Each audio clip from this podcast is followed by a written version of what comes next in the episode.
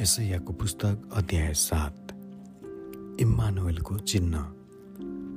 जब उज्याका नाति योतामका छोरा आहाज यहुदाका राजा थिए तब अरामका राजा रसिन र इजरायलका राजा रमल्याका छोरा पेकह एरुसलमको विरुद्धमा लडाइँ गर्न आए।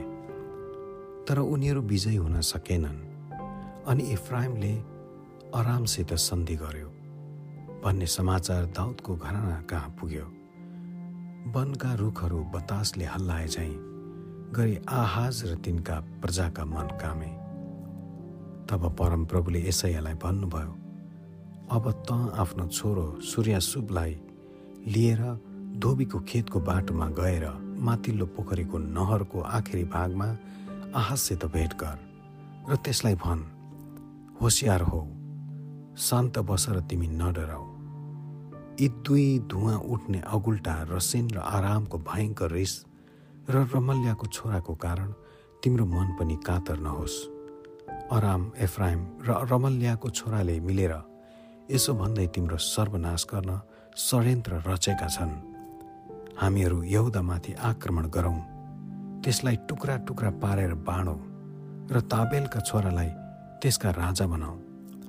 तापनि परमप्रभु परमेश्वर यसो भन्नुहुन्छ। यो हुन नै सक्दैन। यो हुँदैन नै।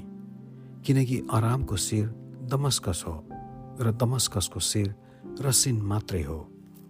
पैँसठी वर्षभित्रैमा आफ्नो नाउँ निशानी मेटिने गरी एफ्राइम टुक्रा टुक्रा पारिनेछ।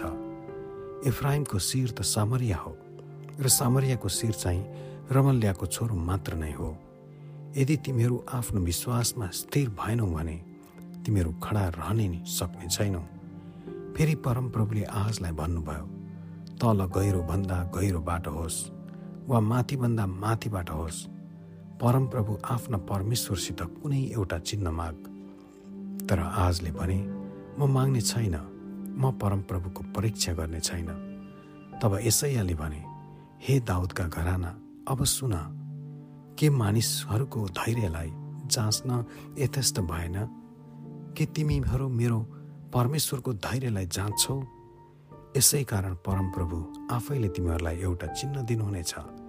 हेर कन्याले गर्भधारण गर्ने छिन् र तिनले एउटा पुत्र जन्माउने छिन् र उहाँको नाउँ इम्मानुएल राखिनेछ खराबलाई इन्कार गर्न र असललाई छान्न जानेपछि उहाँले दही र मह खानुहुनेछ। तर बालकले खराबलाई इन्कार गर्न र असललाई छान्न अघि त्यो देश उजाड पारिनेछ। जसका दुई राज्यहरूदेखि तिमीहरू डराएका छौ। परमप्रभुले तिमी माथि तिम्रा प्रजामाथि र तिम्रा पिताका परिवारमाथि यस्तो दिन ल्याउनु हुनेछ कि इफ्राहिम यहुदादेखि छुट्टिएपछि यसो कहिले आइलागेको थिएन।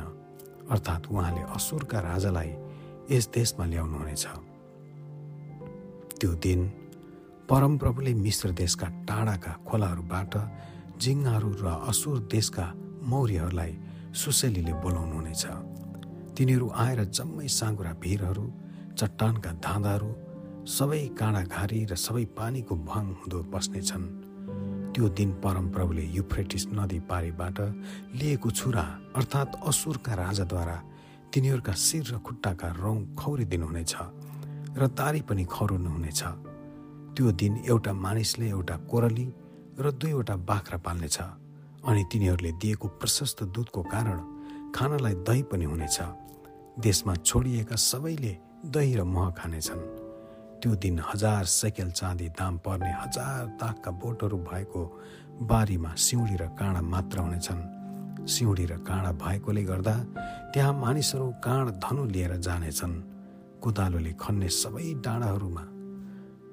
चाहे सिउँडी र काँडाको डरले तिमीहरू त्यहाँ फेरि जाने छैनौ। तर ती ठाउँहरू गाई गोठ गोरुहरू चर्ने ठाउँ र भेडाहरू कुडी हिँड्ने ठाउँ हुनेछ। आमेन।